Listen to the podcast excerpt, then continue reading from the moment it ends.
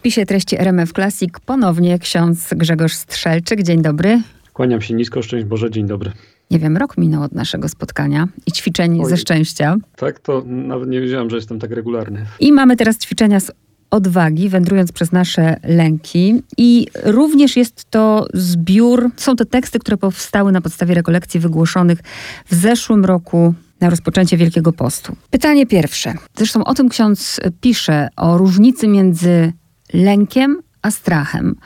Czyli uporządkujmy to. Strach jest to coś realnego, a lęk to coś wyobrażonego. Może inaczej. Y, przedmiot y, strachu y, jest bezpośrednio obecny, czyli boimy się, bo szarżuje na nas pies i to wywołuje strach, taką reakcję fizjologiczną związaną bezpośrednio z, z dostrzegalnym, zmysłowo pojmowanym zagrożeniem. Natomiast lęk to jest bardziej obawa przed czymś, co sobie wyobrażamy rzeczywiście to rozróżnienie, e, ono funkcjonuje wprawdzie w, w naukach i w psychologii, natomiast mniej w języku potocznym, więc my często strach nazywamy lękiem, lęk strachem. Ksiądz tutaj zaznacza na początku, że tą książką chciałbym zaprosić Was na rekolekcję poświęconej Jezusowemu wezwaniu Nie lękajcie się. My o tych różnych rodzajach lęku porozmawiamy, ale pytanie, co zrobić i kto tutaj zawinił, jeśli z jednej strony mam nie lękajcie się, a z drugiej strony dziecko wychowywane w wierze katolickiej cały czas słyszy od rodzica bój się Boga, bój się Boga. I on się tego Boga boi. To, to mu się miesza. Nie lękajcie się, a bój się Boga. No i tu mamy e, zasadniczy problem e, z podejściem do wychowania, w którym często używamy różnych straszaków, czyli używamy lęku jako metody wychowawczej po to, żeby e, uzyskać określone efekty. I tym straszakiem bywa Bóg też. I wtedy się robi niebezpiecznie, dlatego że to jest e, początek bardzo ryzykownej drogi, bowiem ona może doprowadzić prosto do niewiary. Dlatego, że jak się potem dorasta i człowiek się świadomie zderzy z tym swoim wyobrażeniem o Bogu, który jest istotą nie tylko groźną, ale wręcz czyhającą na, na upadki, no to potem trzeba takiego Boga poważnie zweryfikować i, i bywa, że to się kończy odrzuceniem też. Tylko, że to myślę nie tylko wina nawet rodziców, ale często też i samych księży. E, ja myślę, że to jest wina i księży, i rodziców, i w ogóle pewnej kultury, w której wychowaliśmy się jeszcze, to znaczy na moje pokolenie na pewno, która używała e, wzbudzania lęku jako jednego z elementów, e, powiedzmy, manipulacji albo wychowania. Jak, jak się zwał, tak się zwał. To jest pewien rodzaj przemocy tak naprawdę i my od niedawna sobie uświadomiliśmy, że no, to nie jest dobry sposób jednak. Ja to pamiętam jako dziecko właśnie, to, że Bóg wszystko widzi. Właśnie, że tym Bogiem straszono i lękać się Boga to chyba najgorsze, co może być. I kolejna rzecz, która gdzieś się nie składa, że na przykład ludzie wierzący, no dobrze, wierzą w Boga, więc skoro wierzą w Boga, to wierzą też w życie wieczne, a jednocześnie lękają się śmierci. I znowu kłopot polega na tym, że mm, my często mamy do czynienia z ludźmi bardzo religijnymi, a niekoniecznie z ludźmi, których religijność została prze, przemielona przez Ewangelię, czyli tak naprawdę często mamy do czynienia z chrześcijanami wierzącymi w Boga, bardziej w, w kategoriach e, pierwotnej religijności niż w, w świetle tego, czego Jezus nauczał. A wezwanie fundamentalne chrześcijaństwa to jest nie lękajcie się, e, Chrystus zmartwychwstał, w związku z tym możecie z miłości rozdać życie. Tak? To jest właściwie streszczenie tego wyzwania moralnego chrześcijaństwa. Tak? Ale ono płynie właśnie z wiary w, w zmartwychwstanie. I teraz jeżeli ona nie jest w centrum e, doświadczenia wiary, no to stanie tam coś innego. No i tu jest, jest kłopot. Z punktu widzenia księdza, pewnie inaczej by, no to jest w ogóle bardzo ciekawe, inaczej by mówił psycholog, inaczej mówi ksiądz, nie byłoby lęku, gdyby nie grzech? Oj, niekoniecznie by nie było zupełnie, dlatego że lęk, lęk sam w sobie też nie jest zły, bo, bo lęk nam, nas ostrzega przed powtórzeniem na przykład jakiejś sytuacji.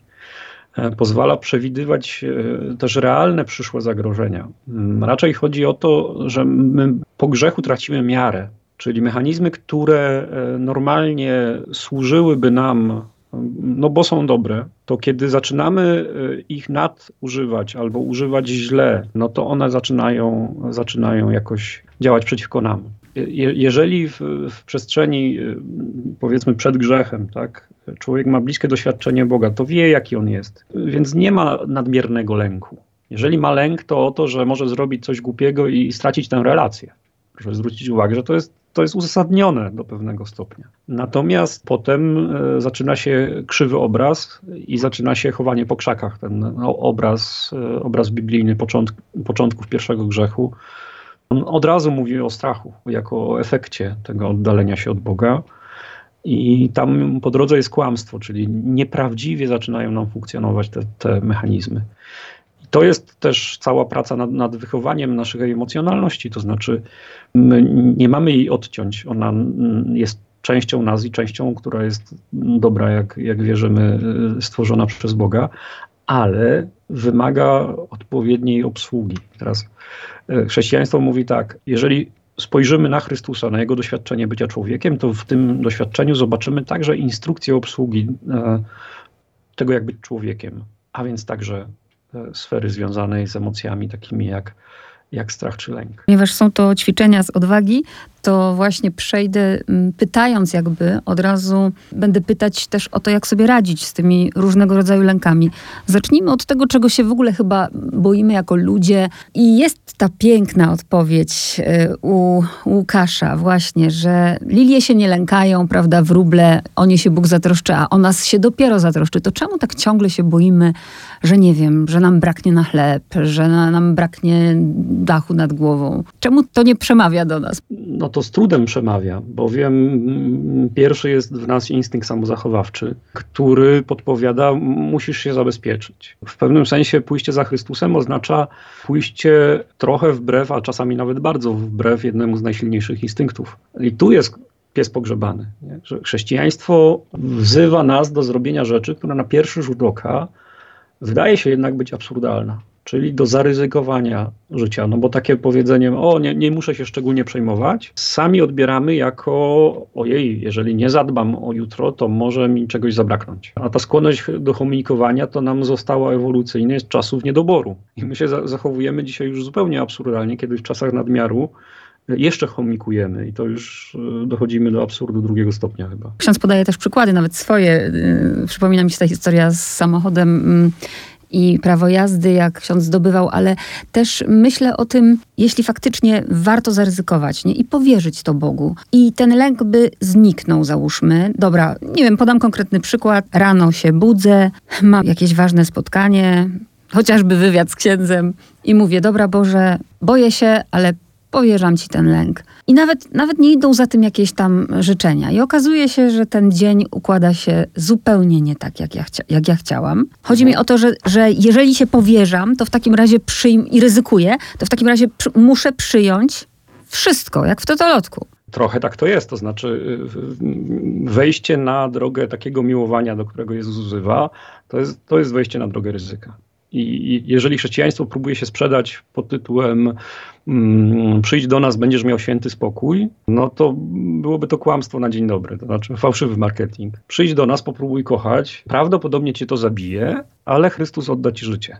To jest, to jest dobra nowina. Natomiast tam po drodze jest to prawdopodobnie cię to zabije. Załóżmy, ktoś ma problem, nie wiem, nie ma na czynsz i rozmawia z osobą, która y, zdecydowanie powierza swoje życie Bogu i mówi tej osobie na przykład, nie martw się, może Bóg chce, żebyś była bezdomna. Nie, to, to w tym momencie ta osoba, która ma na czynsz, jeżeli jej tak powie, to idzie wbrew Ewangelii, dlatego że z kolei ci, którzy mają są wzywani do tego, żeby się podzielić, a nie do tego, żeby powiedzieć, o, to wolą Bożą jest to, żebyś był biedny. My to czytamy w kontekście wspólnoty zawsze, czyli je, jeżeli mam, to się mam zatroszczyć. I teraz ten, który nie ma, okej, okay, ma się powierzyć Bogu, ale jednocześnie może się powierzyć wspólnocie, która ma nie, o niego zadbać.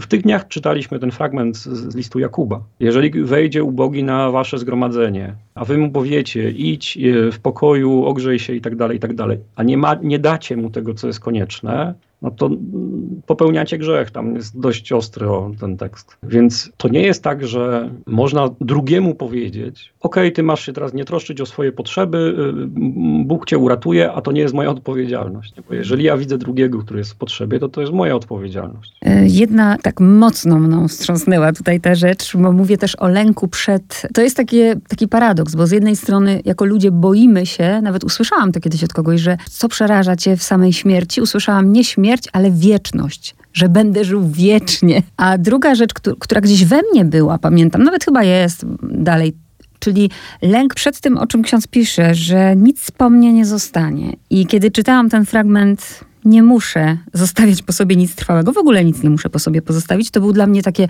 takie ale jak to? No bo e, jednak kiedy się e, zawęzimy do perspektywy tutejszej, no to kwestia jest taka, że chcemy zapewnić trwałość sobie, a gdzieś tam podświadomie jeszcze jest zapewnienie trwałości gatunku i tak dalej, te wszystkie biologiczne rzeczy. I bardzo potrzebujemy dla komfortu jakby pokazania sobie samemu, że coś po nas zostanie, albo ktoś, czyli dzieci, wnuki i tak dalej, i tak dalej. E, I wtedy ten, ta nasza potrzeba przedłużenia gatunku zwłaszcza e, jest zaspokojona trochę i, i, nie generuje dodatkowych lęków. Ale właśnie nie musimy, to znaczy to, co po nas zostaje, to nie jest e, coś, co jest konieczne, bowiem my nie przemijamy. Ja nie muszę czegoś po sobie zostawić, bo nie ma czegoś takiego jak po sobie w ogóle. Z perspektywy chrześcijańskiej tam jest dalej wspólnota i tam jest dalej życie, które się toczy w innej rzeczywistości, na innych zasadach, których dobrze, za dobrze nie znamy i tak dalej, ale ono jest dalej. I to jest powód, dla którego ja nie muszę niczego po sobie zostawiać, bo ja po sobie zostaję. To też jest takie nowatorskie, mogę powiedzieć, bo myślę, ja cały czas jednak myślę tymi kategoriami, czego się uczy dzieci. Pójdziesz do piekła, pójdziesz do nieba, prawda? W niebie tam będą wszyscy, spotkasz tych wszystkich, będzie cała rodzina i tak dalej. A ksiądz tutaj pisze, będziemy kubką atomów i za chwilę moje atomy mogą stać się czyimiś atomami. Czy, czy spotkał się ksiądz kiedyś z, z tym, że, tak, że tak, takie podejście na przykład y, ma ksiądz i to, i to bulwersuje? No ale to jest podejście do tego, co się dzieje z ciałem, nie do tego, co się dzieje z człowiekiem. Ciało ulega zniszczeniu. Jak się odprawia czasami pogrzeby, to coraz częściej w ogóle ono jest bardzo skutecznie zniszczone, bowiem mamy coraz więcej pogrzebów z kremacją. Fizyka, nasze ciało podlega e, tym prawom a Chrystus nam obiecuje, że je wskrzesi, ale nie, nie, niekoniecznie z tych samych atomów, bo to się w ciągu życia w ogóle zmienia. To znaczy, y, nie bulwersują się ludzie, którzy mają elementarne pojęcie o tym, jak, jak świat działa. Bardziej mi chodziło, czy nie bulwersują się inni księża. Mm, jeżeli mają pojęcie na temat tego, jak świat działa, to się nie bulwersują. Boimy się życia, boimy się Boga, boimy się innych ludzi, boimy się, kiedy ktoś jest inny. Bo tu y, y, znowu mechanizmy pewne związane z naszą stadną naturą się y, włączają. My w stadzie się znajdujemy w jakiejś pozycji i ta hierarchia zapewnia nam pewien spokój. Jeżeli znajdziemy jakoś swoje miejsce, no to jest ok, tak? Ktoś tam jest nade mną, ktoś jest pode mną, jest dobrze. Natomiast kiedy się pojawia obcy, to pojawia się lęk, że to zostanie zaburzone. I to jest lęk paskudny, dlatego że on potrafi doprowadzić do zrobienia krzywdy temu, który nie pasuje. Więc to jest, potrafimy bronić hierarchii w stadzie e, w sposób bardzo zajadły. A przerażające jest to, bo ksiądz się też powołuje na film Wołyń, na to, że ten obcy się wcale nie musi pojawiać, ten obcy był kiedyś swój. Tak, tak, tak. To może być, to może być też wyindukowane, to znaczy z kolei e, może się tak zdarzyć, że, że te wszystkie lęki, które w nas buzują, one e, się skanalizują w stronę kogoś, kto wcale nie jest ich źródłem, ale my to sobie w nieświadomości swojej wymyślimy. I wtedy dzieją, mogą się dziać rzeczy kompletnie poza kontrolą. Ale gdyby to było takie proste na przykład, no, no mamy jakąś świadomość, jakąś wiedzę, wiemy intelektualnie, to co ksiądz mówi jest jak najbardziej zrozumiałe. To dlaczego dzieje się to, co się dzieje na świecie? No bo y, często y, od, te, od tego, że wiem, że powinienem być odważny, do bycia odważnym, jednak jest kawałek. I dlatego ćwiczenia. I tak jak z tymi ćwiczeniami ze szczęścia. Nie da się tak tego zrobić e, szybko, tylko jest to proces, który czasem może trwać całe życie. I on zawsze trwa całe życie. To, to jest nie, nieuchronne. To znaczy, nie ma takiego poziomu e, jakby oswojenia się z, z własną psychiką, z własnymi lękami, w którym można powiedzieć, ok, Teraz osiągnąłem absolutną harmonię i już e, lepiej nic nie będzie, więcej nie potrzeba. Będę to tak utrzymywał i to mi tak zostanie. No, nie ma szans, bo, bo przyjdzie bodziec z zewnątrz, znowu to zburzy. My się tego wszystkiego uczymy. I teraz im bardziej e, robimy to świadomie, na przykład im bardziej świadomie kon konfrontujemy się z naszymi lękami, tym większa jest szansa, że one się nie będą wymykać spod kontroli i tym większa jest szansa, że będziemy żyć odważnie. Konfrontować się ma na myśli ksiądz po prostu, jak pojawia się lęk, to ja mam z nim być? Znaczy, najpierw go muszę sobie y, w ogóle uświadomić i nazwać. To znaczy powiedzieć sobie, ok, boję się, boję się tego, a tego i jeszcze najlepiej było, żebym sobie uświadomił źródła, to znaczy dlaczego się tego boję. I potem, y, jak już mniej więcej to wiemy, to też tam się zaraz pojawia świadomość tego, co zrobić. To znaczy Jeżeli ten e, lęk związany jest z sytuacją uzasadnioną, czyli, nie wiem, idę w górach e, i szlak się robi coraz trudniejszy i e, zaczyna mi się włączać lęk pod tytułem, że, że za kilometr być może sytuacja się zrobi bardzo poważna, a jeszcze się może zmienić i tak dalej pogoda, no to być może trzeba zawrócić, tak? No i to jest decyzja e, pod wpływem lęku, ale decyzja racjonalna. A czasem może być to samo pod tytułem: OK, robi mi się nieswoje, bo wiem, że w takim terenie zaczynam odczuwać e, nieproporcjonalny lęk. I to nie jest sytuacja większego zagrożenia, tylko ja akurat tak mam, że przy takim ukształtowaniu terenu czuję się bardziej nieswojo. W związku z tym idę. Podam księdzu przykład. Akurat to był kurs, e, który sobie robiłam z asertywności, ale to absolutnie było ćwiczenie z odwagi. było takie ćwiczenie bądź słoniem. Polegało ono na tym, że ja po prostu wybieram, idę sobie gdzieś i wybieram sobie, że, że po prostu nie zbaczam, tylko idę tym jednym pasem i powtarzam sobie jestem słoniem, jestem słoniem, także inni schodzą mi z drogi. No i kiedy robiłam to ćwiczenie, tak jakby, nie wiem, jakby wszechświat zrobił wszystko, żebym przegrała, bo mianowicie mm, na tej samej linii, po drugiej stronie pojawił mi się taki no nie wiem, kulturysta, na, na, na, takich ludzi się czasem mówi kark, prawda, ze złotym łańcuchem. Ja sobie powtarzałam, jestem słoniem, ale jak go zobaczyłam, no to oczywiście, że nie wygrałam tego pojedynku, bo stanęliśmy i patrzyliśmy na siebie i ja zeszłam. No i w tej sytuacji jak się ćwiczyć z odwagi? Czy to było akurat, czy to akurat było mądre, co zrobiłam? No tak, bo to y, dla, zaba- dla, dla samego ćwiczenia nie ma co wchodzić w sytuację konfliktową, tak? To jakby o co, o co w tym chodzi? Jeżeli stajemy wobec realnej sytuacji, kiedy y, zagrożenie jest kompletnie nieproporcjonalne do, do tego, co mamy uzyskać, no to wiadomo, że, że schodzimy z drogi. Tak? Natomiast gdyby była sytuacja taka, że, że y, wie pani, znajduje się pani, pani tam w sytuacji, w której ten kark właśnie okłada y, jak, jakiegoś Bogu ducha winnego człowieka. I teraz się pojawia sytuacja zareagować czy nie zareagować. Lęk by, by był jeszcze większy prawdopodobnie. Rada wtedy miałaby o wiele większy ciężar moralny niż to, co pani zrobiła schodząc z drogi. To, to, nie, to zejście z drogi było rozsądne, pomogło pani sobie pewne rzeczy uświadomić, ale jakby nie miało kompletnie znaczenia egzystencjalnego dla nikogo na dobrą sprawę. A czy to, że niektórzy no, radzą sobie z lękiem w ten sposób, że wchodzą w rolę, bo tak jest łatwiej, prawda? Wychodzi taki człowiek do pracy, przywdziewa inną, inne oblicze, a w środku jest lęk. To w takim razie, czy, czy kiedy udaje tego, że się nie lęka, to jest grzech? A, to znaczy, y, pytanie. Nie wiem, czy to jest grzech, dlatego że jeżeli to udawanie ma innych wprowadzić w błąd w celu osiągnięcia korzyści, to znaczy, jeżeli tam jest intencja, która jest intencją samolubną, e, no to, to to będzie grzech. Natomiast jeżeli, e, nie wiem, e, rodzic, tak, który jest, jest pełen lęków, o przyszłość swoich dzieci i tak dalej, i tak dalej. Do dzieci idzie i stara się nie okazywać tych lęków, bo one tego i tak nie ogarną, i tak, i tak to nic nie da, i tak dalej, i tak dalej.